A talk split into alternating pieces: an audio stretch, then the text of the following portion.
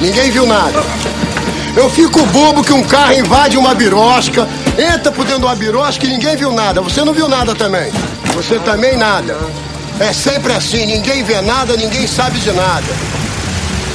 Vou te contar. A los miembros del jurado de su A todos nos era muy fácil desaparecer.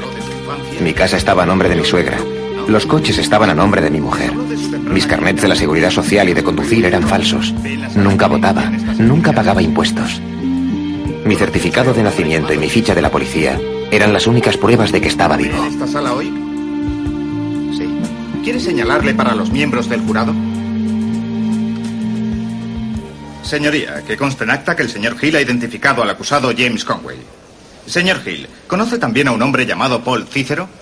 Sí, ¿Lo ve en esta sala hoy? sí. ¿Puede señalarle para los miembros del jurado? Señoría, que conste en acta que el señor Hill ha identificado al acusado Paul Cícero.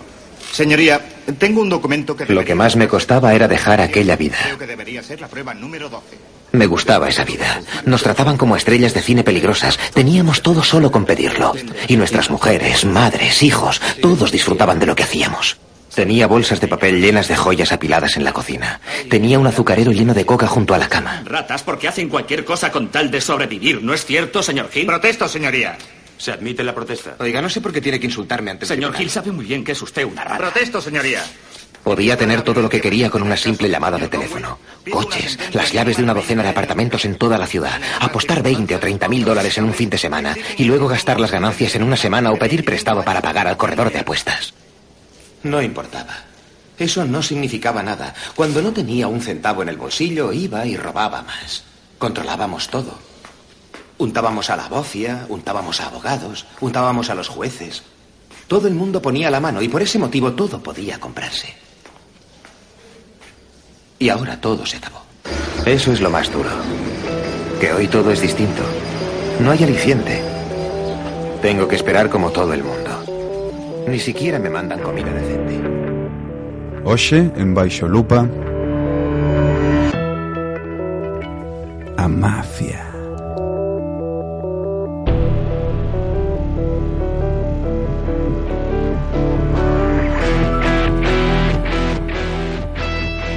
Baixo Lupa con Iago Montes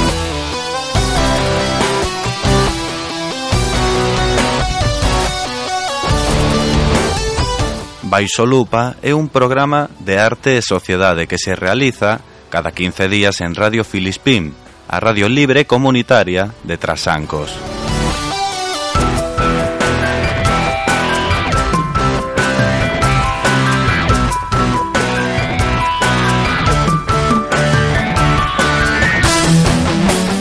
Saudamos a xente que nos escoita na Calimera en Compos, en Radio Malva en Valencia a versión en castelán en Radio Filispín, por suposto, ademais deses que escoitades polo podcast en internet.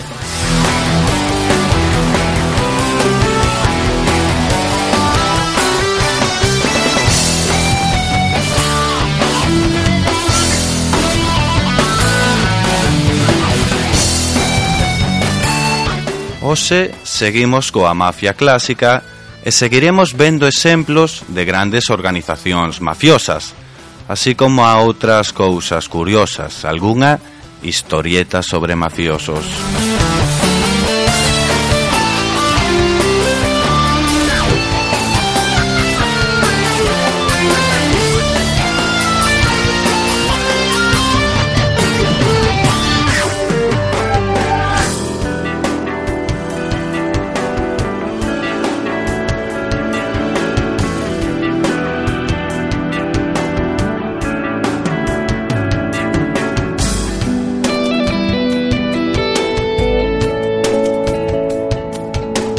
Para ser un delincuente no basta con tener un arma en la mano. Hay que tener alguna idea en la cabeza. Baixo Lupa con Iago Montes ¿Ya has fallado? Aún no, y no creas que no lo he intentado.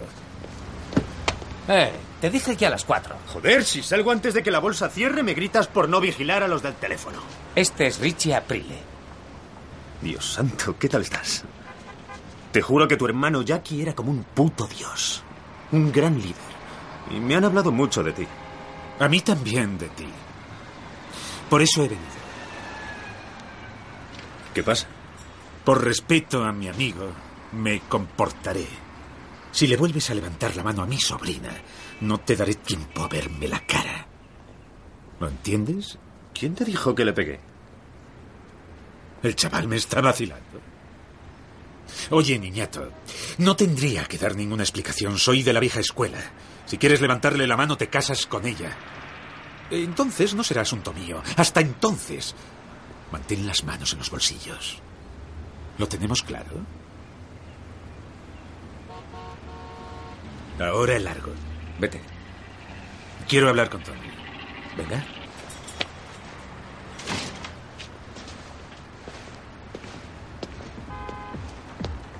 Me gusta el chico. Es bueno.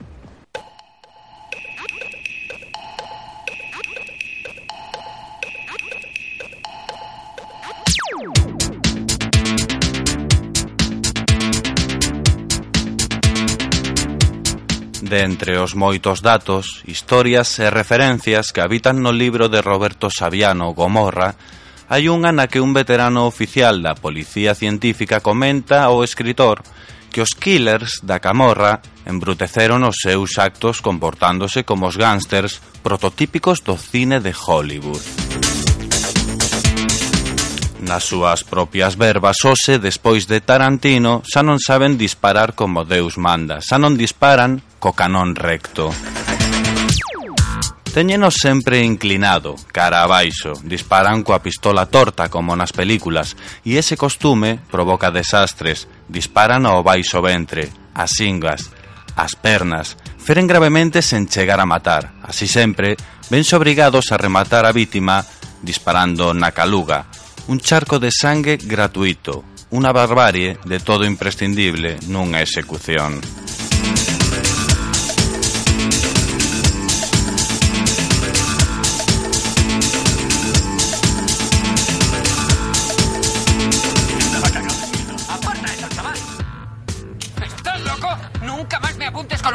O te parto el Tranquilo, cuello. Marreco, no pegues a Dadiño. Va conmigo. Dame. Es verdad, Marreco. Yo soy de los vuestros.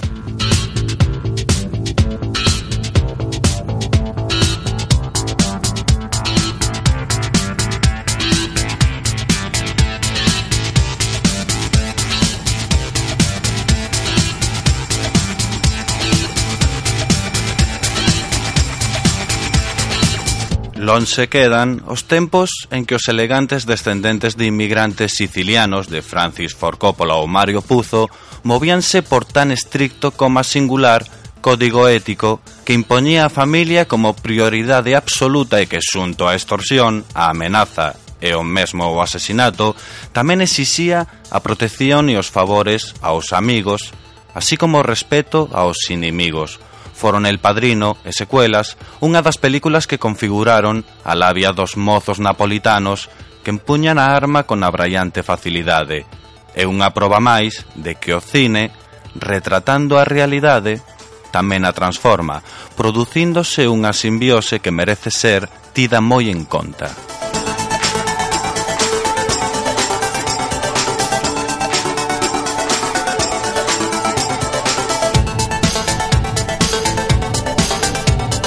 Todo lo que tengo en esta vida son mis cojones y mi palabra, y no los rompo por nadie, ¿lo entiendes?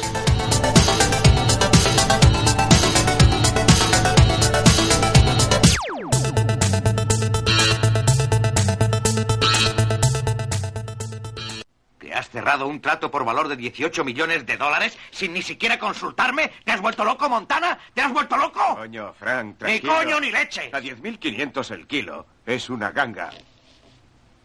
No se puede perder nunca. Es imposible. Ganaremos 75 millones con este trato, Frank. 75 millones. Esa es una cantidad seria. ¿Y qué hará Sosa cuando yo no pueda pagarle los primeros 5 millones? ¿Qué hará? ¿Me enviará un recadito? ¿Eh?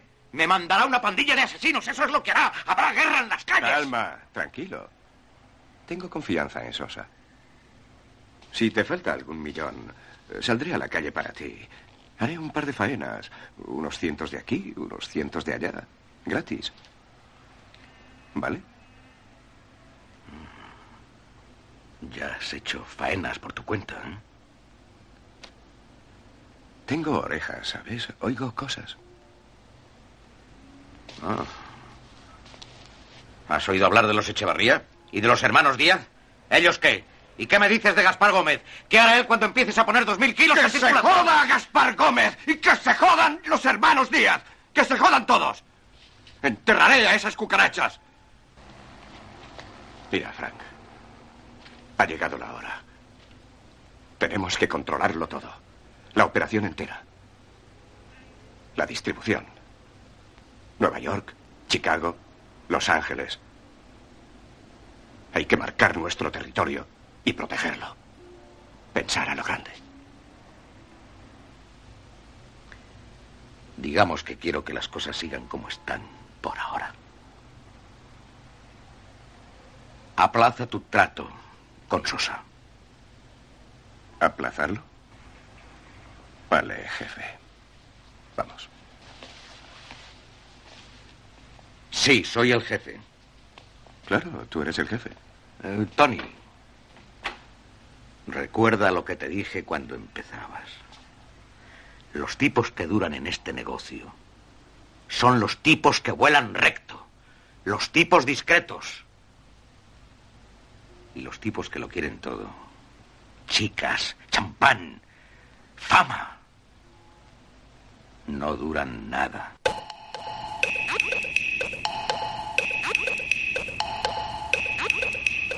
De feito, Antes do filme, protagonizado por Marlon Brando, o Padriño, ninguén acusaba de Padriño aos distintos capos dos clans. Antes eran compadres ou simplemente xefes. A conquista metafórica do inconsciente por parte de Hollywood levou as novas fornadas de sefazos, soldados e demais quincalla, a imitar os seus heróes do cinematógrafo. Uns queren ter a mesma casa, literalmente, explica o Saviano no seu libro, que o Tony Montana de Scarface. Outros provocan aos seus contrincantes como Travis Bickle, de Taxi Driver, de Martin Scorsese, e os máis salvaxes queren esmagar cabezas en tornos como ao personaxe de Joe Pesci en Casino. Perro, ¿me oyes, perro? Escúchame, Anthony. Tienes la cabeza en una puta prensa y voy a dejártela como una jodida pasa si no me das un nombre. No me obligues a hacerte esto, por favor. No me obligues a ser malo, vamos. Que te jodan.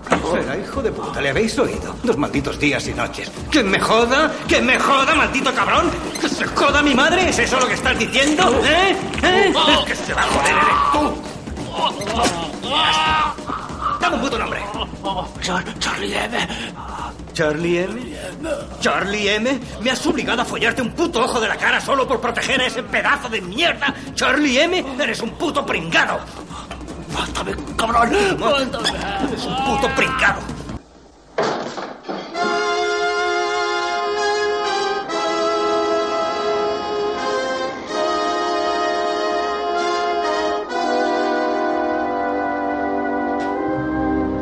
o xornalista cinematográfico Tim Adler, experto nas conexións entre mafia e o cine e autor do libro Hollywood e a mafia, escribiu que, el, que o Padriño, aínda sendo unha obra mestra de Coppola, realzou moitos mitos da mafia, que quedan moi ornamentais, pero non responden á verdade. No filme, os mafiosos non trafican con drogas, só se matan entre eles, e sempre hai un traidor que é o culpable. A realidade é que a mafia asasina a quen quere, está emborcada no tráfico de drogas e abunda nos traidores. O padriño embelece a mafia.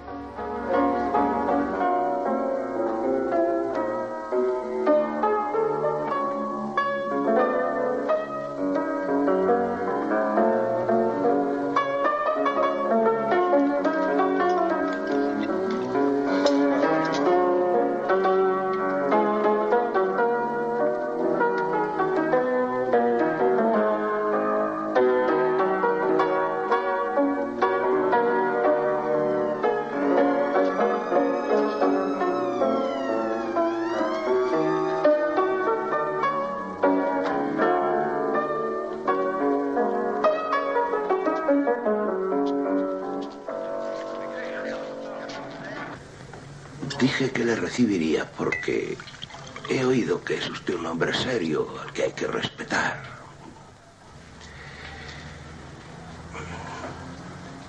Pero ah, debo contestar que no. Y le daré mis razones. Es cierto, tengo amigos en la política.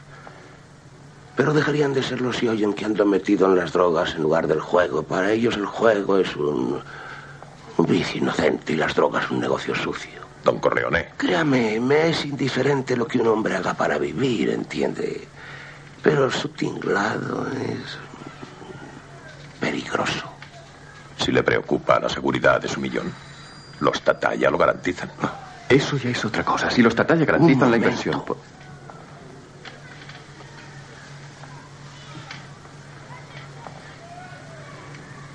Tengo ciertas debilidades con mis hijos, como puede ver. Hablan cuando deben escuchar. De todos modos, señor Soloso, mi no es firme. Deseo poder felicitarle por su nuevo negocio. Sé que le irá muy bien y es mejor para mí, porque así sus intereses no se enfrentarán con los míos. Gracias. Vender droga é um negócio como qualquer outro. O fornecedor entrega o peso e no Cafofo é feita a indolação. O trabalho de indolação é a linha de montagem do tráfico. Tão chato quanto apertar parafuso. A maconha é embalada num pacotinho chamado dólar. A cocaína é embalada em papelote e depois em trouxinhas de 10 ou pacotinhos de 100. O tráfico tem até plano de carreira. Os garotos menores começam a trabalhar como aviãozinho. Recebem uma boa grana para levar e trazer refrigerante, mandar recado, esse tipo de coisa. Depois, eles passam por olheiro. Quando a polícia aparece, a pipa desce do céu e todo mundo sai saindo. De olheiro, o cara passa para vapor vendendo a droga na favela. Pintou sujeira, o vapor tem que evaporar rapidinho. Soldado é um cargo mais responsa. Ele fica na contenção. Se o cara for esperto e bom de conta, pode virar gerente da boca. O gerente é o braço direito do patrão. Você dormiu aí, moleque? A polícia também faz sua parte. Recebe dele e não perturba. Baixo Lupa con Iago.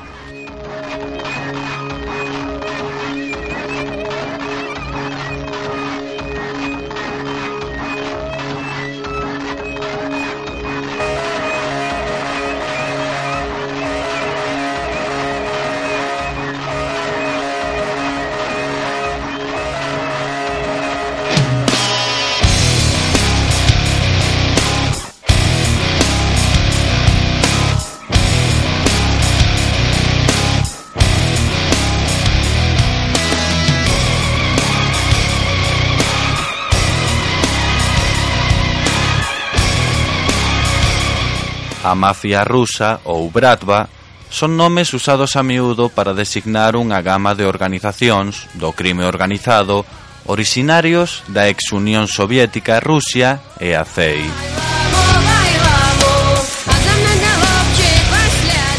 Dende a caída da Unión Soviética no ano 91, estes grupos acumularon un considerable poder e influencia en todo o mundo, Son activos na maioría dos sectores da sociedade rusa e internacionalmente no comercio ilegal de petróleo, tráfico de personas, narcotráfico, tráfico de armas, de materiais nucleares e no lavado de cartos.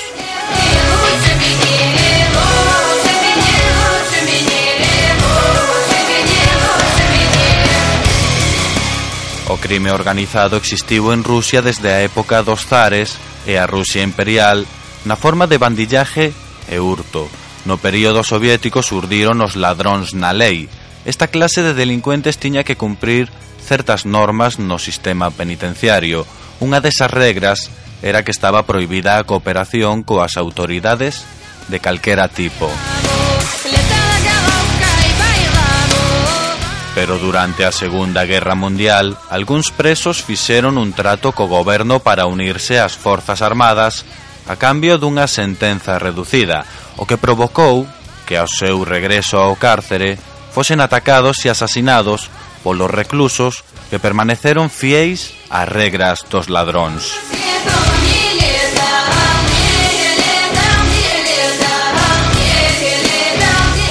Durante a época en que a economía rusa soviética tomou un xiro carabaixo, o Bori asumiría o control do mercado negro coa axuda de funcionarios corruptos, suministrando produtos tales como a electrónica ou a comida extra durante a época de Brezhnev, que eran de difícil acceso para o cidadán soviético.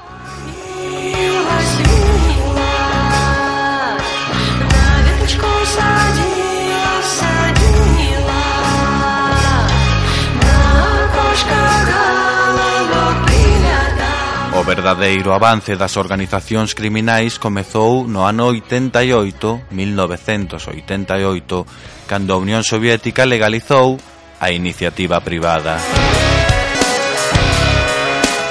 Permitindo o libre comercio, nembargantes a nova lei non aclarou nada sobre os reglamentos e a seguridade da economía de mercado.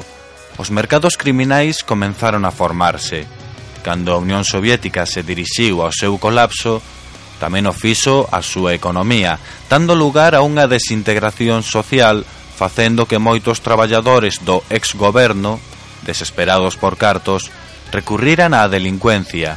Outros uníronse aos excidadáns soviéticos que se trasladaron ao estranxeiro e a mafia rusia, rusa convertiuse nunha extensión natural desta tendencia exasentes da KGB, deportistas e veteráns da Guerra de Afganistán e da Primeira e Segunda Guerra de Chechenia, que agora se atopaban desempregados pero con experiencia nos ámbitos que lles poderían resultar útis, útiles na delincuencia.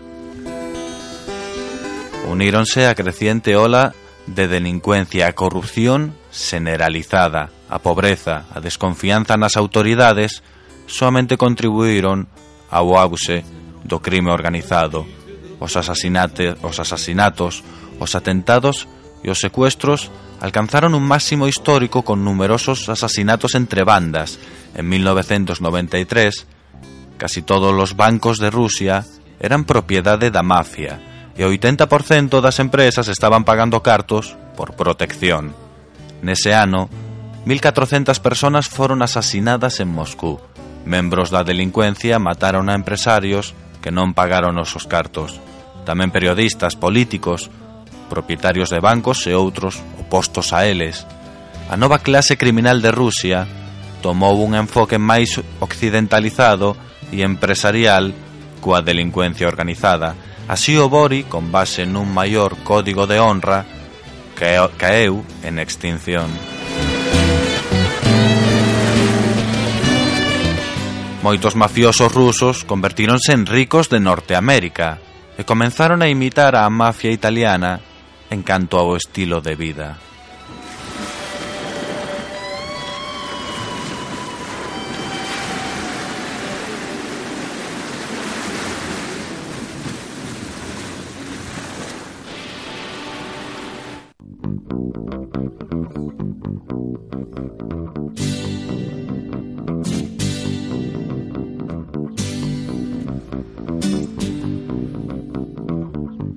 из моих волосов небесно-синих. O termo mafia rusia, rusa é considerado ofensivo para moitos rusos, xa que unha gran porcentaxe dos denominados rusos, aproximadamente un 90%, especialmente en Estados Unidos, dicen ser xudeos.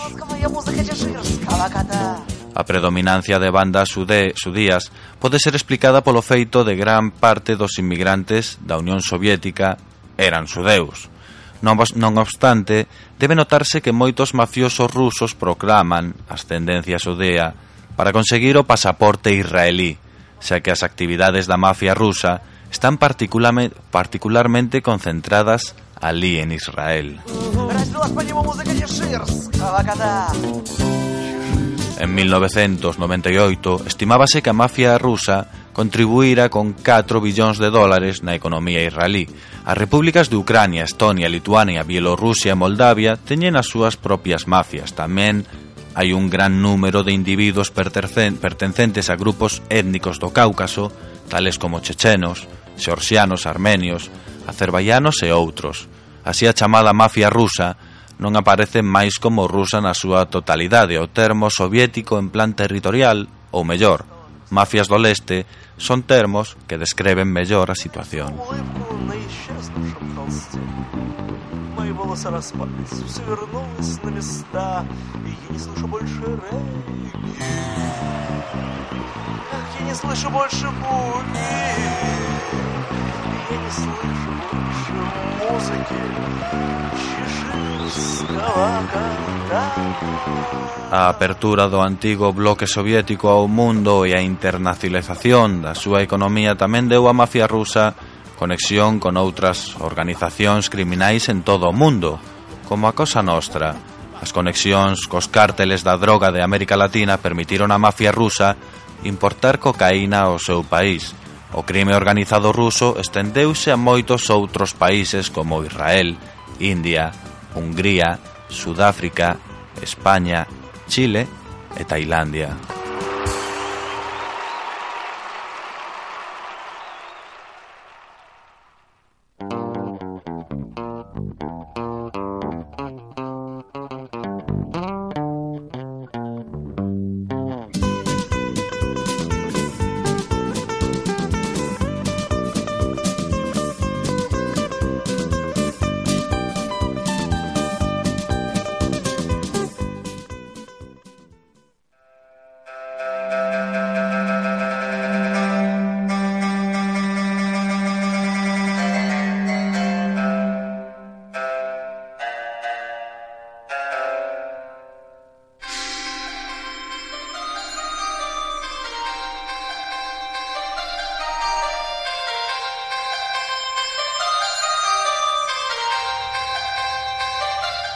A Yakuza é o equivalente xaponés do crime organizado. É unha mafia que data do século XVII. A Yakuza moderna estendeu as súas actividades á corrupción bancaria e á política. Esta mafia, en 2009, tiña un estimado de 80.000 membros en Xapón.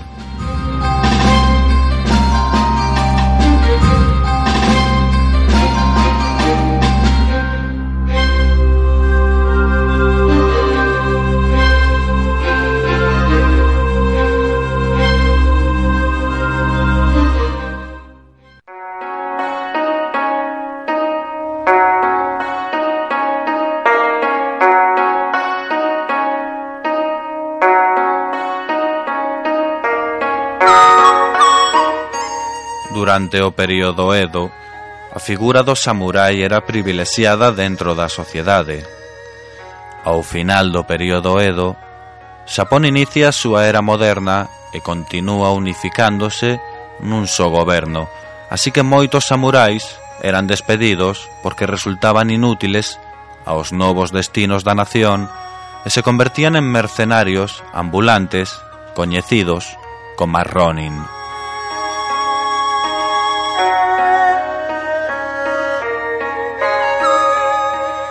Estes seguiron facendo traballos de xeito independente para os seus xefes e a alta sociedade. Ao cabo do tempo, empezáronse a organizar en bandas paramilitares que protexían rexións a cambio de comida e comodidades que proporcionaba a comunidade. Pouco tempo despois, rematan dominando os negocios ilegais de Xapón.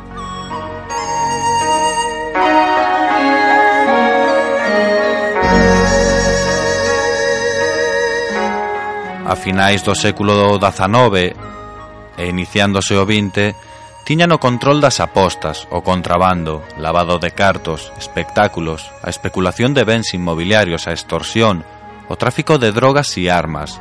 Ademais, despois da Segunda Guerra Mundial, certas bandas de ideoloxía ultradereitista comezaron a operar e extorsionar dentro de grupos políticos.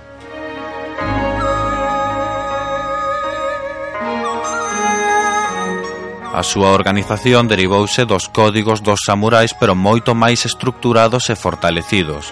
Todo o clan considérase unha familia onde se profesa a fidelidade absoluta á banda, o ultranacionalismo, a obediencia ao maior rango e o seu estricto e brutal código de honra.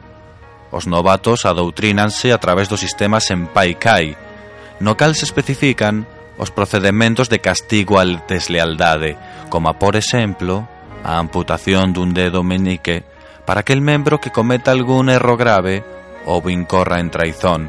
A debandita amputación serve aínda na actualidade para recoñecer os membros retirados ou disidentes.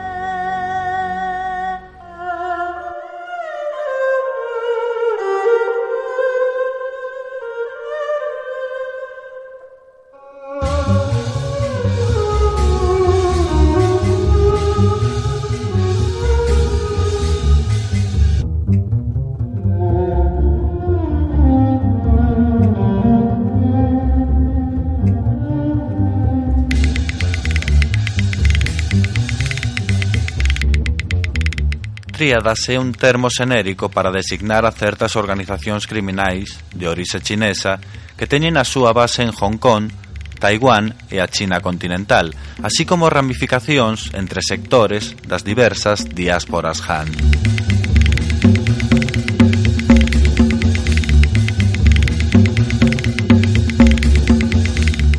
Adícanse ao tráfico ilegal de persoas, a falsificación de tarxetas de crédito, os talleres clandestinos, generalmente de textil, a falsificación, venta e distribución de todo tipo de produtos, prostitución, as clínicas ilegais, mortes por encarga, branquesan noutros países os beneficios da heroína que introducen en Estados Unidos desde os seus campos en Tailandia e Laos.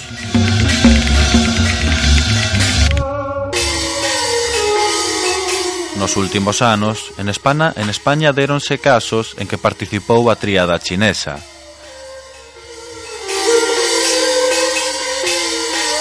Unha das bandas máis, máis perigosas do mundo, 14 quilates, con sede en Ámsterdam, está instalada dende hai moito tempo en España e adícanse principalmente á extorsión, pero tamén ao asasinato e ao tráfico de drogas. Tamén se presentaron casos en Argentina, máis especificamente no barrio chinés e Bos Aires en Senal, a causa da inmigración chinesa no país.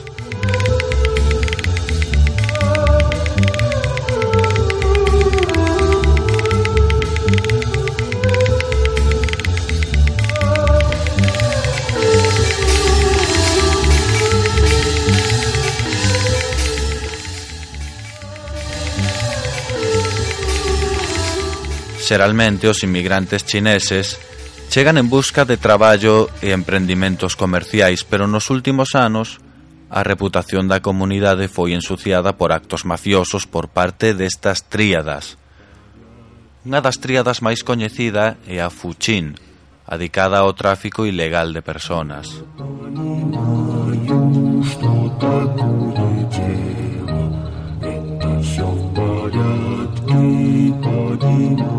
Estes grupos están conectados xerárquicamente con outros grupos por só un dos dos integrantes, o que leva consigo un total descoñecemento do resto dos integrantes do grupo do resto da organización. Esta técnica é bastante útil para de bandita organización cando é sometida por unha investigación policial, xa que existe unha posibilidade menor para poder indagar na xerarquía.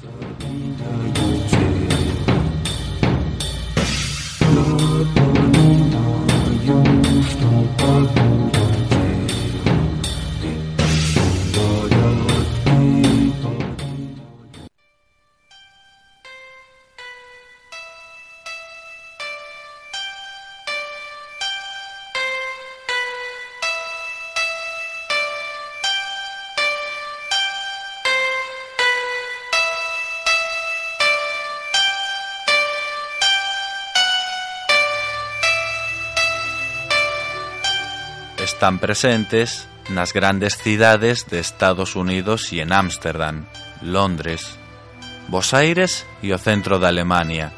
Neste último país son especialistas na extorsión a comerciantes e incendio de locais. Mais dun ataque con lume a vivendas de inmigrantes en Alemania foi un asuste de contas entre narcotraficantes perpetrado por membros da tríada.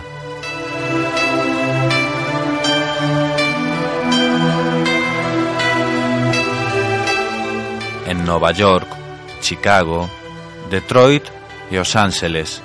As bandas juvenis asiáticas gañan en violencia as clásicas afroamericanas e latinas. Todas elas son feudatarias da tríada.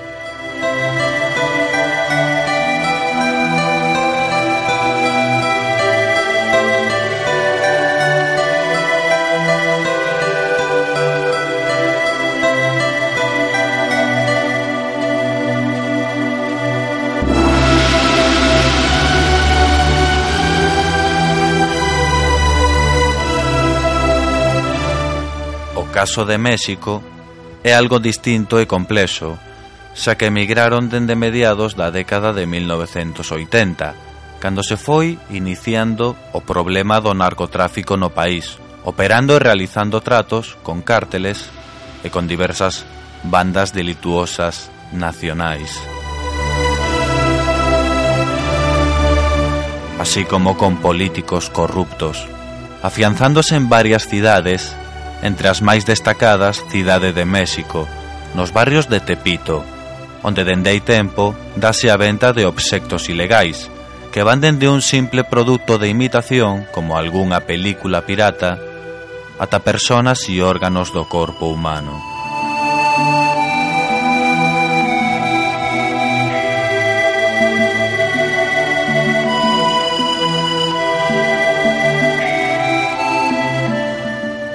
igual que en puntos fronteirizos como Cidade Juárez, Milomes, Tijuana e Novo Laredo, onde asaltan os camións de carga e trafican con diversas mercadorías que se venden a metade de prezo no mercado informal e que é posible que aínda non saísen á venta oficialmente.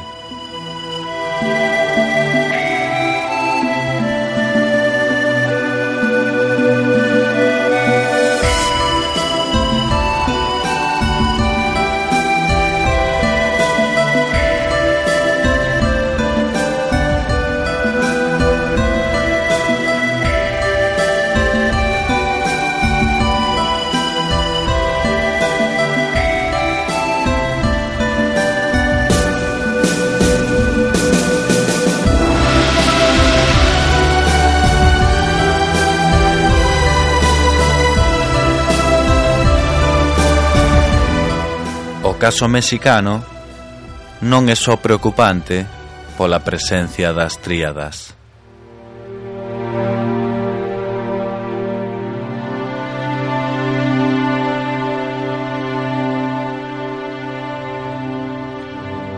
Internámonos en Veracruz para escoitar Lume Real. Isto é unha rúa en Veracruz.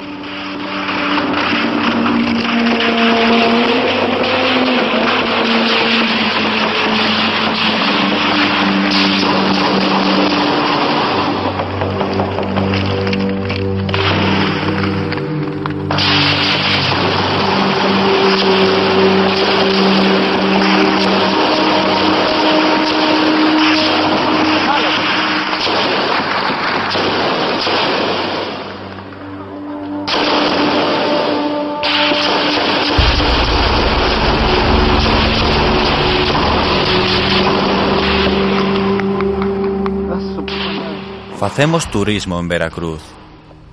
Facemos turismo por uns lares nos que o precio dunha cabeza de gando pode ser igual ou superior ao prezo dunha persona.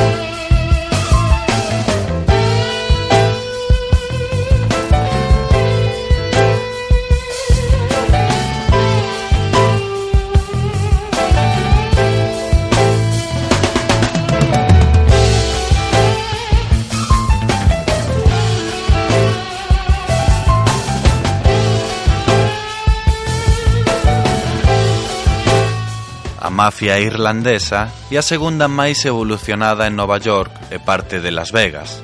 A mafia irlandesa vese retratada na película Camiño á perdición, protagonizada por, Thor Ham, por Tom Hanks, Jude Law e Daniel Craig.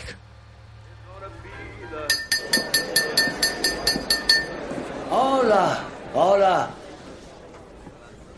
Bienvenidos todos a mi hogar. Es bueno tener tantos amigos en esta casa otra vez. Desde que murió Mary... eh, En fin, solo quedamos mi hijo y yo vagando por estas habitaciones. Tenía preparado un discurso, pero sería poco honrado por mi parte decir que conocía bien a Dani. Pero siempre duele perder a uno de los nuestros. Aunque os diré lo que sí recuerdo, amigos. Finn también se acordará. Se trata de Dani en el equipo de fútbol del instituto. Un partido de campeonato. Perdíamos por seis puntos, quedaban diez segundos y solo cuatro yardas. Y Dani placó a su propio cuatro.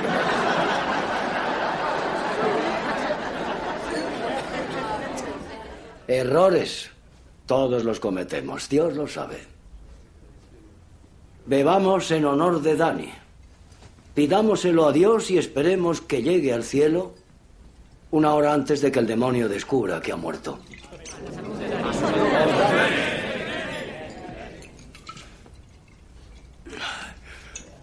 Y ahora quisiera pedirle a un querido y fiel amigo, Finn McGovern, que dijera unas palabras. Apuesto a que tendrán más poesía que las mías. Ven aquí.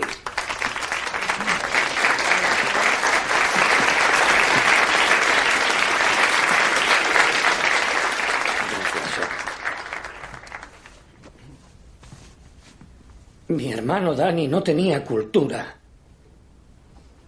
ni buen carácter. Y cuando le salía el alcohol por los poros era un auténtico incordio. Pero era leal y valiente. Y nunca dijo una mentira. Le habría encantado esta fiesta.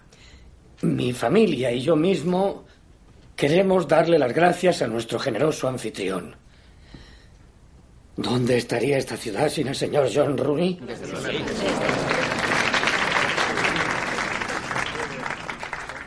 He trabajado para ti durante muchos años, John. Casi media vida. Y nunca tuvimos un desacuerdo.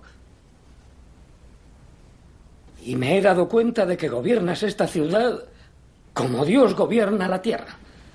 Ya sabes, tú das y tú quitas.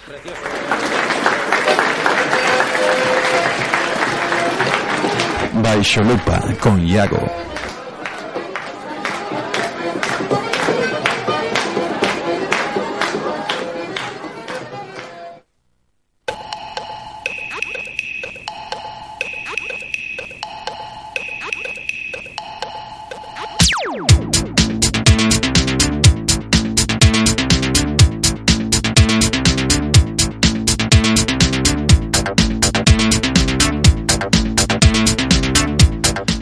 mafia albanesa ou crime organizado albanés son os termos xerais utilizados para diversas organizacións criminais con base en Albania ou integrantes de etnia albanesa, coñecidas pola súa ferocidade, violencia e crueldade.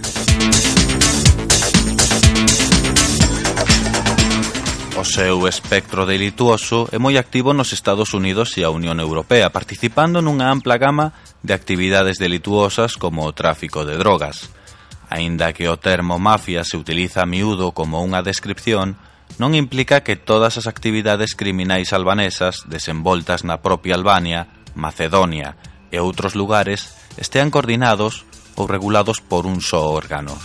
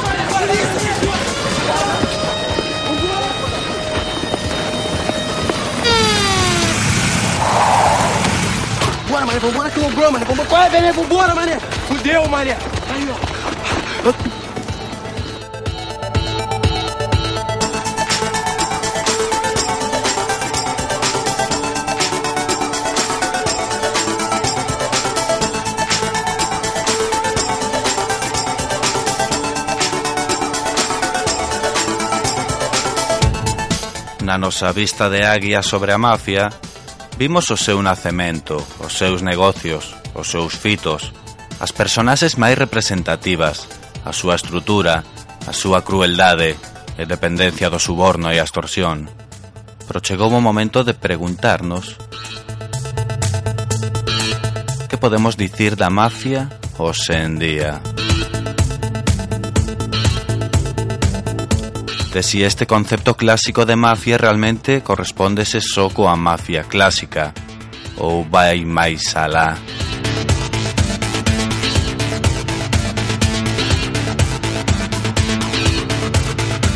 Podemos preguntarnos se o patrón que a define pode extrapolarse a cousas máis complexas, máis grandes que unha familia ou un grupo de persoas, como por exemplo un alcalde ou os seus concelleiros, ou un grupete de policías corruptos, ou máis grande, un holding, un consello de administración dunha empresa, ou todavía máis grande, unha megacorporación ou un goberno.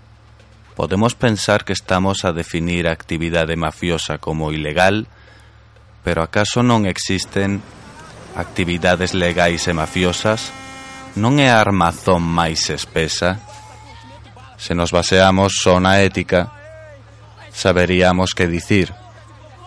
Pero iso, deixámolo para o seguinte baixo lupa, ou mellor dito os seguintes, porque queda moita tea por cortar.